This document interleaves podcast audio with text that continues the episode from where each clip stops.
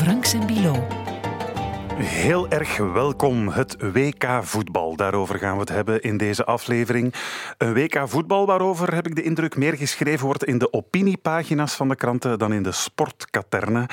En dat heeft alles te maken met het gastland van het eh, WK. Qatar, de steenrijke golfstaat die dat WK niet alleen gekocht heeft met smeergeld en corruptie, maar ook duizenden gastarbeiders heeft uitgebuit en sommigen zelfs de dood heeft ingejaagd tijdens de opbouw van dat WK. Het maakt dat we op zijn zachtst gezegd een beetje met een wrang gevoel naar dat WK toeleven. Jij ook, Rudy? Ik leef er helemaal niet naartoe. Het doet je niks? nee, ik vind, het, ik vind het vreemd. Maar ik denk dat, dat bij veel mensen, ook bij veel Belgen, Vlamingen rond mij, merk ik dat toch wel. het geeft mij ook een wrang gevoel, vooral omdat pecunia non olet, die Latijnse uitdrukking, geld stinkt niet. Wel, in dit geval stinkt het wel, jammer genoeg. Wat is daar nu allemaal echt gebeurd in de aanloop naar dat WK? Daarover gaan we het hebben met onder meer een nagenieuw rapport over de mensenrechten in Qatar, eh, Rudy, dat jij hebt kunnen inkijken. Maar wat we uit het oog verliezen is het belang van dit WK, het eerste in het Midden-Oosten, voor de hele Arabische regio, van Marokko tot de Perzische Golf. Want volgens onze VRT-nieuwscollega Masht Khalife kijken we met een veel te westerse blik naar dat WK. Welkom, Masht. Marhaba. uh, voor jou hetzelfde. Jij wil ons in deze aflevering dus eens door een Midden-Oosterse bril laten kijken naar dat WK. Maar laten we dat meteen duidelijk maken, uh, jij zit er niet om de misstanden goed te praten ik ben hier namens de Qatarese staatsdienst. en je redt met een nieuwe auto rond, zeker nu. Ja, Want laten we misschien toch nog even de feiten erbij halen. Om te beginnen, de Qatari hebben dat WK gewoon gekocht. Dat staat vast, dat is onomstotelijk bewezen. Dat is, uh, dat is uh, eigenlijk, eh, dat zagen we al vanaf het begin, toen, toen het envelop open ging. Ja. En het WK gaat naar Qatar. En dan iedereen dacht, oké. Okay. The winner to organize the 2022 FIFA World Cup is Qatar. Ja, verbazing alom. Qatar, dat geen voetbaltraditie heeft, dat niet veel groter is dan Vlaanderen, geen noemenswaardige voetbalstadions eh, had op dat moment, 2010 spreken we. Dat was, ja, dat was echt eh, een, een, eh, een shocker natuurlijk. Hè. Iedereen dacht dat het naar Amerika ging, het ging naar Qatar. We hebben er in mei vorig jaar, Rudy, al een podcast over gemaakt, over hoe dat WK is toegewezen. Kun je nog altijd herbeluisteren trouwens. Die podcast heet Waarom gooien de golfstaten met geld naar het Europees voetbal? Nog eens even gewoon kort samenvatten. Wat heeft dat WK aan Qatar gekost. 50 Franse Airbussen die de emir bij toenmalig Frans president Sarkozy is gaan kopen om Michel Platini onder druk te zetten, de ondervoorzitter van de FIFA. En dan nog een paar miljoen dollar aan zakgeld die ze hebben uitgedeeld aan Afrikaanse en Aziatische voetbalfederaties om ook voor Qatar te stemmen. Maar, en om het concreet te worden, ze hebben er dankzij dat Qataris geld hebben ze dan kunnen Messi kopen en Neymar. Hè? Als uh, influencers. Uh, ja, ja, als shotters gewoon. Ah, ja, omdat PSG, ze PSG hebben Eigenlijk Sarkozy zijn favoriete team van Parijs hebben ze eigenlijk een financiële doping gegeven. Zo, hè? Ja, absoluut. Maar dat heet in de wereld van het Midden-Oosten, van Saint, Rudy, en Rudy weet het ook, dat heet gewoon diplomatieke betrekkingen. Goed, ze hebben het gewone, corruptie, that's the rule. Maar wat hebben ze daarna gedaan? Hebben ze iets goed van gemaakt of niet? Dat kunnen we daar beoordelen. Oké, daar gaan we het inderdaad zo meteen over hebben. Want eigenlijk was de toekenning van dat WK nog maar het startschot voor wat er allemaal kon mislopen. Want om te beginnen, dat WK toewijzen aan een, aan een land waar het in de zomer te heet is om te voetballen, was misschien al een vergissing. Want het is voor het eerst in de geschiedenis van het WK dat het in de herfst bijna in de winter wordt gespeeld.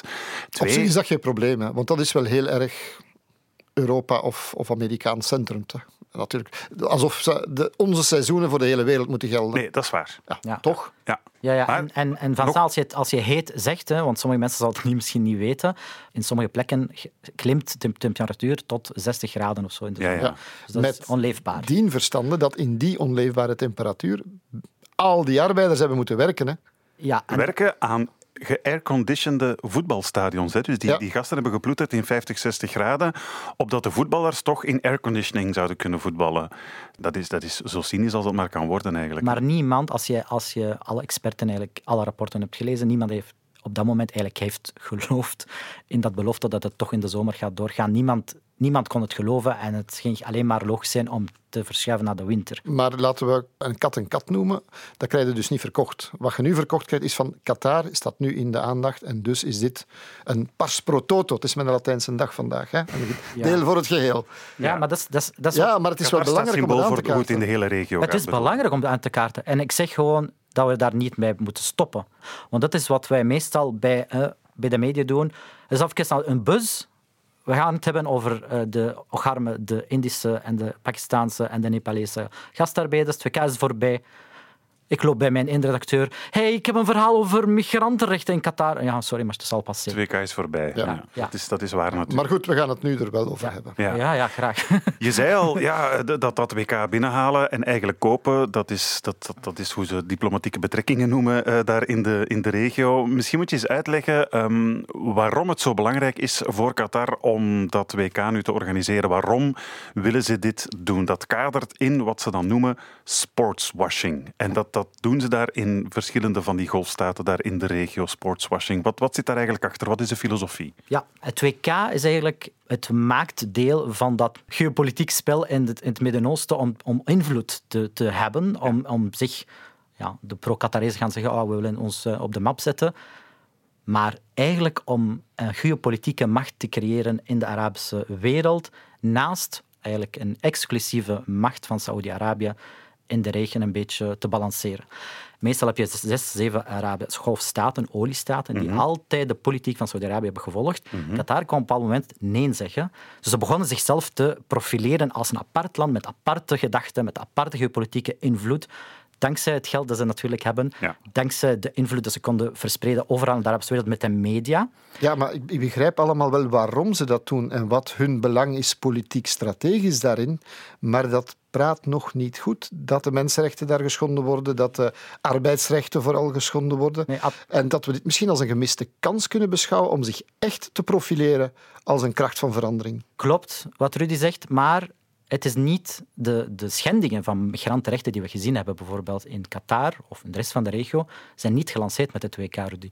Het is eigenlijk gelanceerd al van de jaren... Nee, maar, ja, ja, maar ze zijn er wel nu. En het is nu aan de wereld om daar iets over te gaan zeggen. Ja, ja maar, maar het, de schendingen te koppelen aan het WK is in mijn ogen te nauwe keek naar de zaak. We moeten het, we moeten het grondig bekeken. Ja, ja, maar, ja, maar, ja, maar dat is goed. Maar we zijn heel de tijd, eigenlijk eerlijk gezegd, de vis aan het verdrinken. Hè. We, we, alsof door het algemener te maken, we de essentie niet meer willen bekijken. Die schendingen van de mensenrechten zijn daar. En daar moeten we het ook over hebben. Klopt. De schending van de arbeidsrechten zijn daar.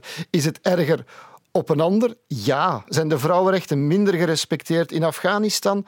Uiteraard. In Saudi-Arabië ook. Neem nog niet weg dat we het ook over nu moeten hebben en over het feit wat wij daar moeten mee aanvangen. Ik zeg gewoon, door de, door de kijk breder te maken, Rudy bedoel ik, door het te hebben over de zaak zoals het is, over de schendingen van migranten van het begin van het, de staat tot nu toe, inclusief het WK, inclusief het WK, geef je een meer objectief en eerlijke beeld naar de Arabische wereld toe. Dat kijk, we zijn jullie niet echt aan het bashen. Het stop dat jullie 2K organiseren, dat jullie het haal binnenhalen. Maar we zijn, we, hebben, we zijn echt en terecht bezorgd over de migrantenrechten. En jullie gaan ons horen, ook zelfs na 2K. En jullie hebben... Maar is het niet als journalist belangrijk dat in een heel land, in een hele wereld, die waarschijnlijk zelfs niet had, niet had geweten waar Qatar ligt of er ooit van gehoord had, hè? dankzij die 2K kunnen we tenminste de aandacht erop vestigen op wat absoluut. er in het gehele plaatje fout loopt. Absoluut. Dat, is, dat moet de bedoeling zijn van ja, dit. Ja, absoluut. En, en het, is, het is ook... Allez, ik, ben er geboren in, ik ben geboren in die regio en allez, als ik als kind keek naar zo'n beetje naar tv, alles wat we wisten over Qatar is eigenlijk alleen maar de vlag. Het is een buurland. Ik spreek over een afstand België-Nederland of zo. En alles wat we wisten over Qatar is de vlag. Het, land bestond bij, allez, zogezegd niet in onze ogen.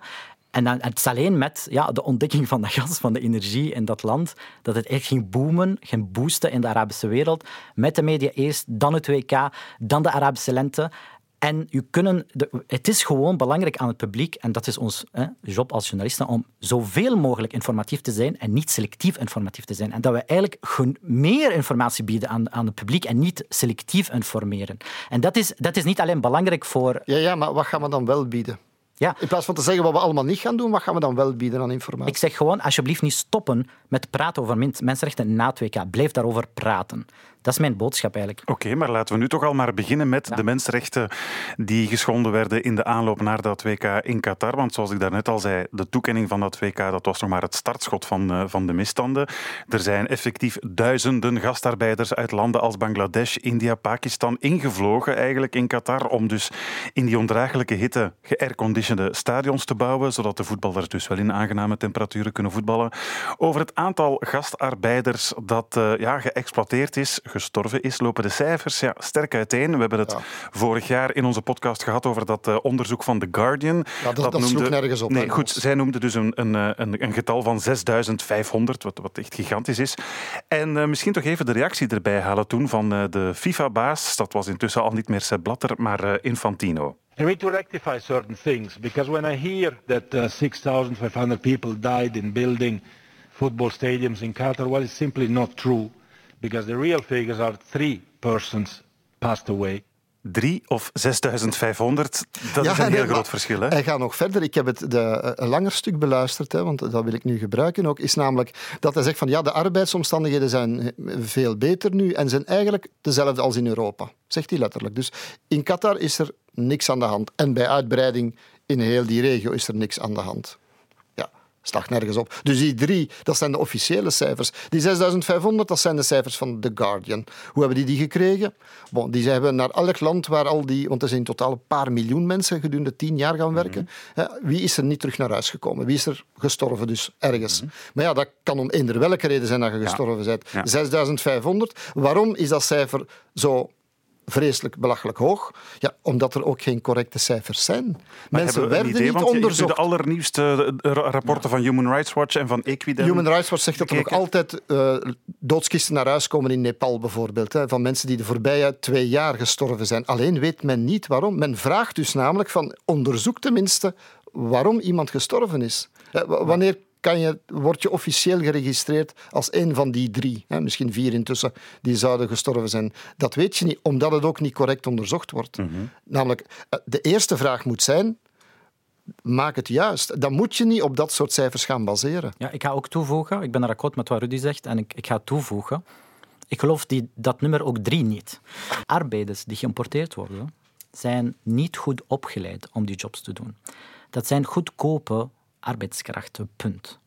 U kunt op uw cv zeggen van ja, uh, meneer Rajo die komt uit India, die heeft uh, eh, 20 jaar ervaring in de bouw. Eigenlijk, meestal klopt het niet. En die man die wil gewoon weg van die armoede en die wil gewoon een contract hebben in Qatar om uiteindelijk op een van de maanden 100 dollar te kunnen sturen naar zijn familie. Ja, maar nu ben je bijna aan het suggereren, maar, maar, maar dat het hun eigen fout is. Nee, absoluut niet. Nee, nee, nee, nee, nee. nee. Wauw, wow, wow, wow.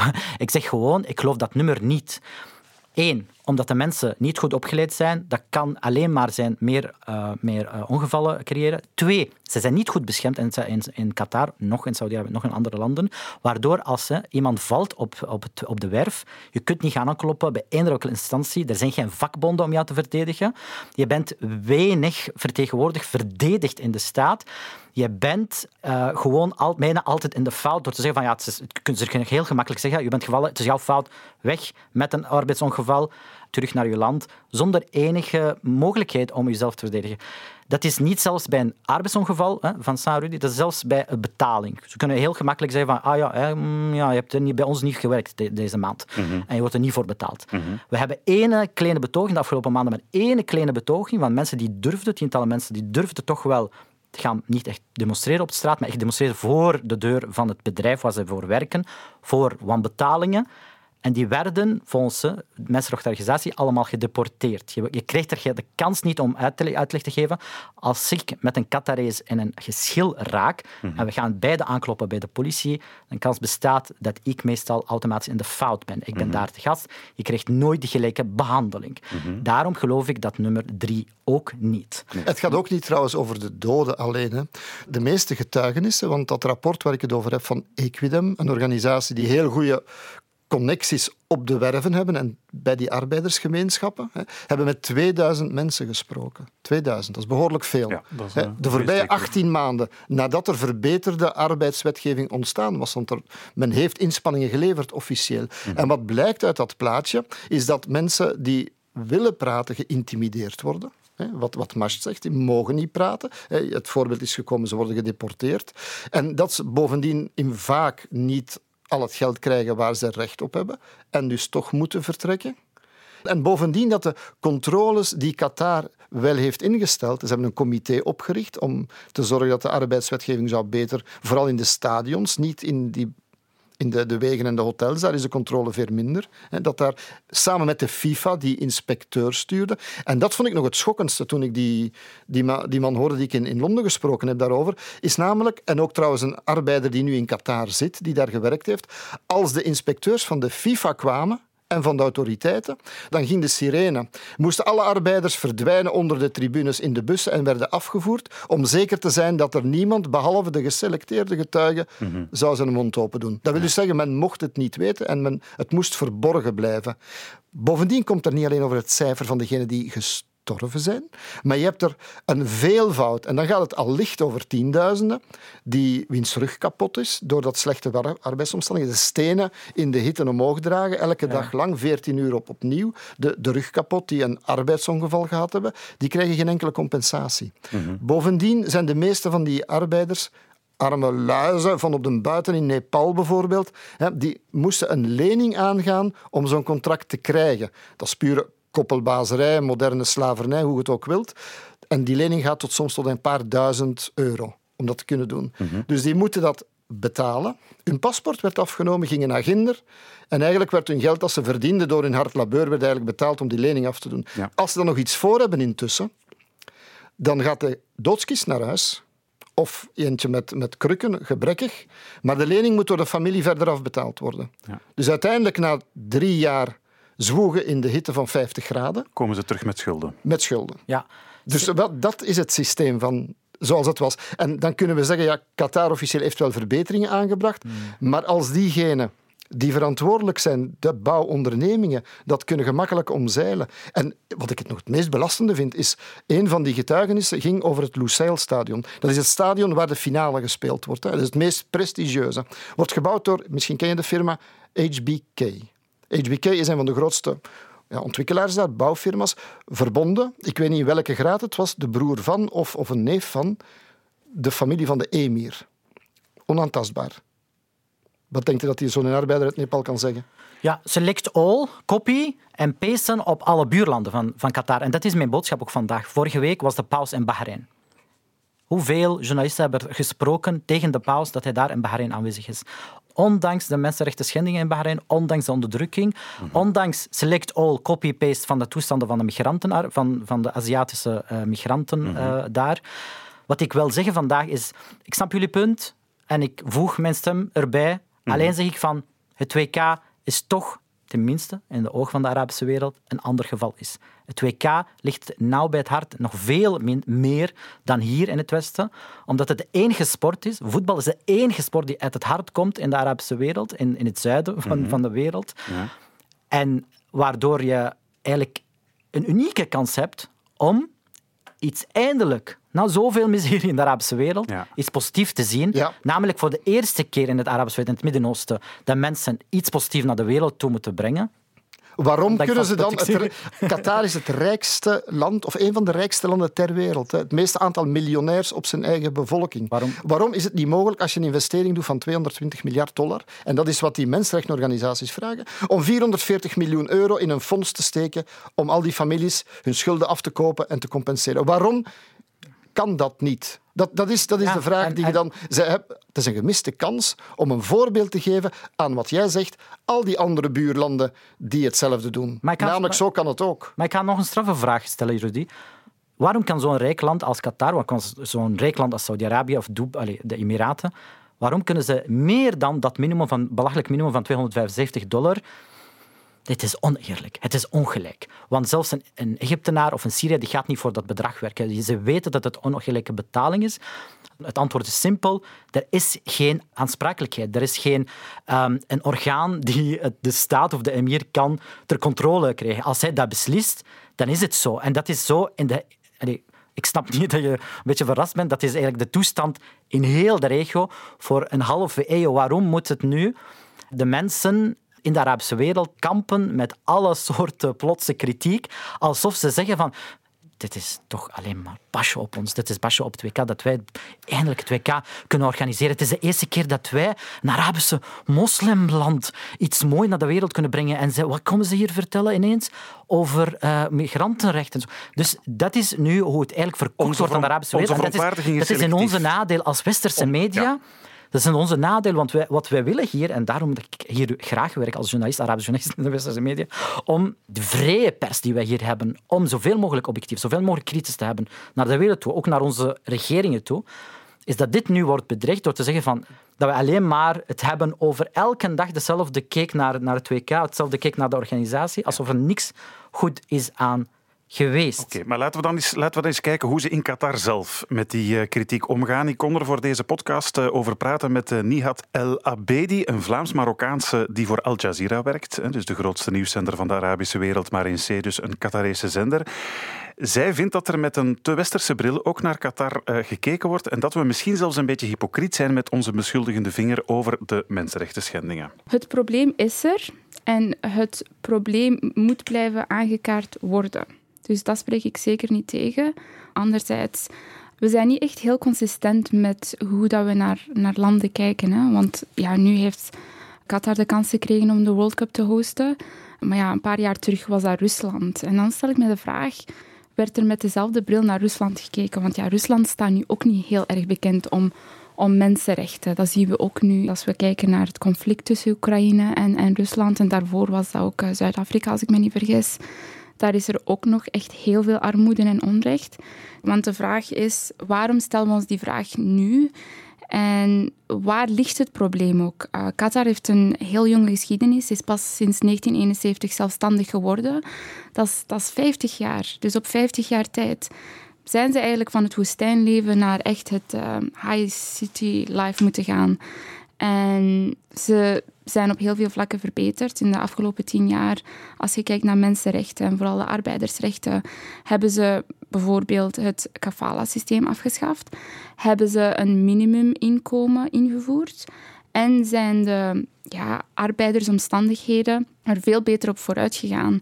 Dus ja, enerzijds is er heel veel verbetering, anderzijds vind ik events zoals de World Cup toch wel heel uitnodigend, omdat de mensen zelf naar Qatar kunnen gaan en toch zien van wat is dat land eigenlijk en wat houdt er juist in. Dus vanuit dat perspectief kan het toch wel heel veel progress brengen, denk ik wel. Ja, de mensen kunnen naar Ginder gaan, maar ze mogen niet uh, de arbeiderskampen bezoeken. Hè. Is strikt verbod op.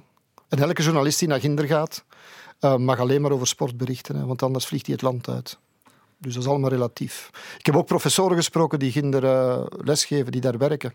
Er is een groot verschil tussen hoe dat de omgeving van Qatar en het leven daar gepercipieerd wordt door een mens die uh, sleurt en shout in een, uh, op de bouw, dan wel iemand die in de geairconditionede campussen van de universiteit rondloopt, hè, geloof mij. Mhm. En uiteraard is dat verbeterd, maar dat is, dat is een aparte wereld. Tuurlijk is dat verbeterd. Maar dat wil niks zeggen, natuurlijk. En om op, op uw vraag te zeggen van ja, waarom nu Qatar? Waarom de... Weet je wanneer dat ze aandacht hadden voor de vergelijkbaar probleem, we gaan ons niet te ver in, laten leiden, over de, de kleding die gemaakt wordt van ons. Hè. Ook schandalig aan welke kosten mensen als slaven behandeld werden in Bangladesh. Wanneer is daar aandacht voor gekomen bij ons? Toen dat die grote fabriek met honderden doden in brand geschoten is. Toen is er een wereldwijde campagne gekomen. Laat dit dan het begin zijn en hopelijk blijft dat duren van een campagne dat arbeidsrechten niet alleen in Qatar, maar in heel de Arabische wereld beter gerespecteerd worden. En ook de mensenrechten, dan heb ik het over vrouwenrechten, dan heb ik het over de LGBTQ, homoseksuelen en zo. Dus het is wel een, een wijd spectrum. En ik blijf het jammer vinden dat een meer verlichte staat als Qatar dan sommige andere, dan denk ik aan Saudi-Arabië, mm. dat, die, ja, dat die de kans gemist hebben om de grens verder te verleggen. Ja. Verder te verleggen. Hè? Ja, ja. Als ik mij plaats in hun schoenen en ik kijk naar uh, hoe ze eigenlijk onze berichtgeving kijken over hun, zei van, hmm, tja, uh, stel dat morgen het WK is georganiseerd is in België, zouden wij eigenlijk elke dag een rapport brengen over dat refugees hier op straat aan het slapen zijn al maandenlang. Um, zonder enige genade, zonder enige oplossing, zonder enige uh, toekijk naar de menselijke aspecten van de kinderen die in de winter aan het slapen zijn op straat, gaan we kijken naar elke dag rapport brengen over het koloniaal verleden van België. Gaan we elke, elke dag een rapport niet alleen aan bod laten brengen, maar, elke uw dag... zit erin dat we het niet elke dag over Qatar hebben. Wij hebben het om de zoveel maand over Qatar. En nu meer omdat het WK eraan komt. En daarvoor om de twee, drie jaar. dus niet elke dag. En bovendien, en bovendien brengen we dat ook hier.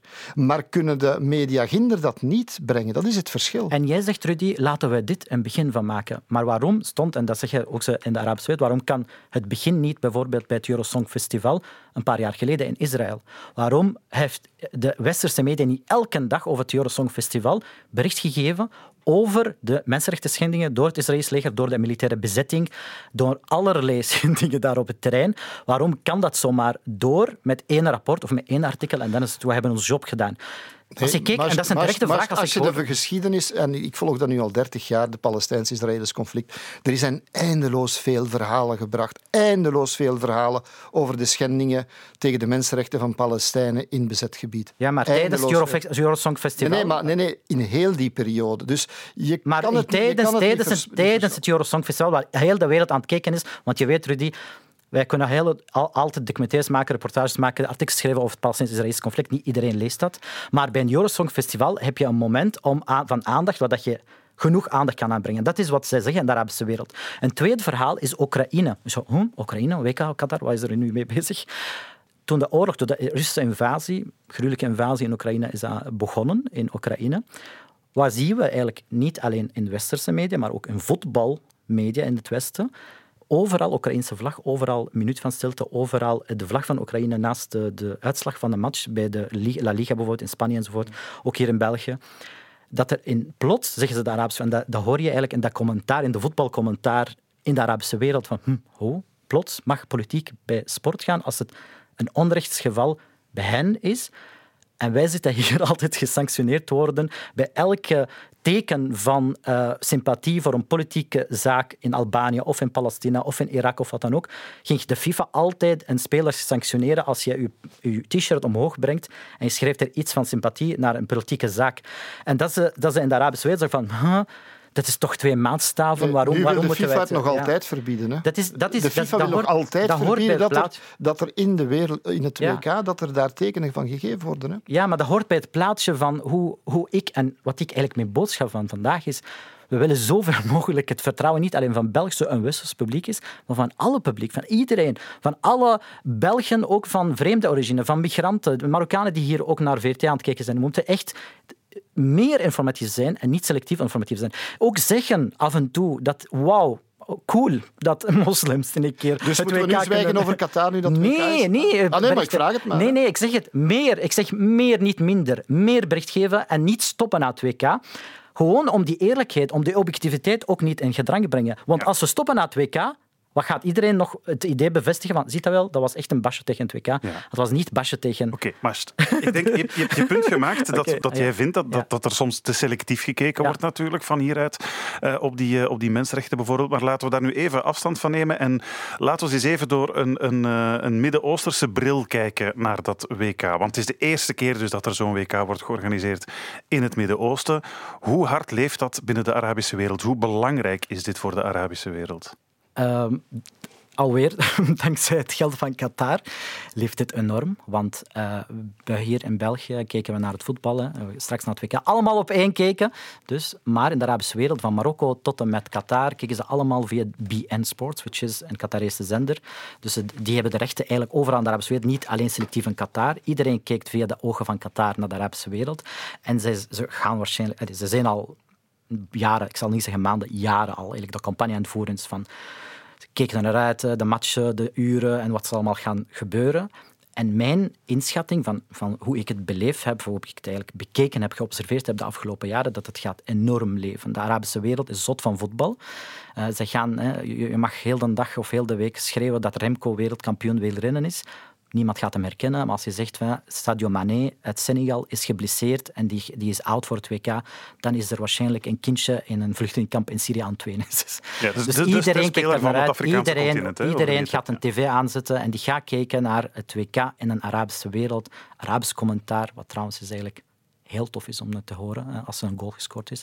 Maar het leeft enorm. bij, uh, bij mannen, bij vrouwen, bij ouderen, bij kinderen. En uh, je, je, voelt wel de temperatuur, zeg maar, de koorts, WK-koorts, echt aan koken is al maanden.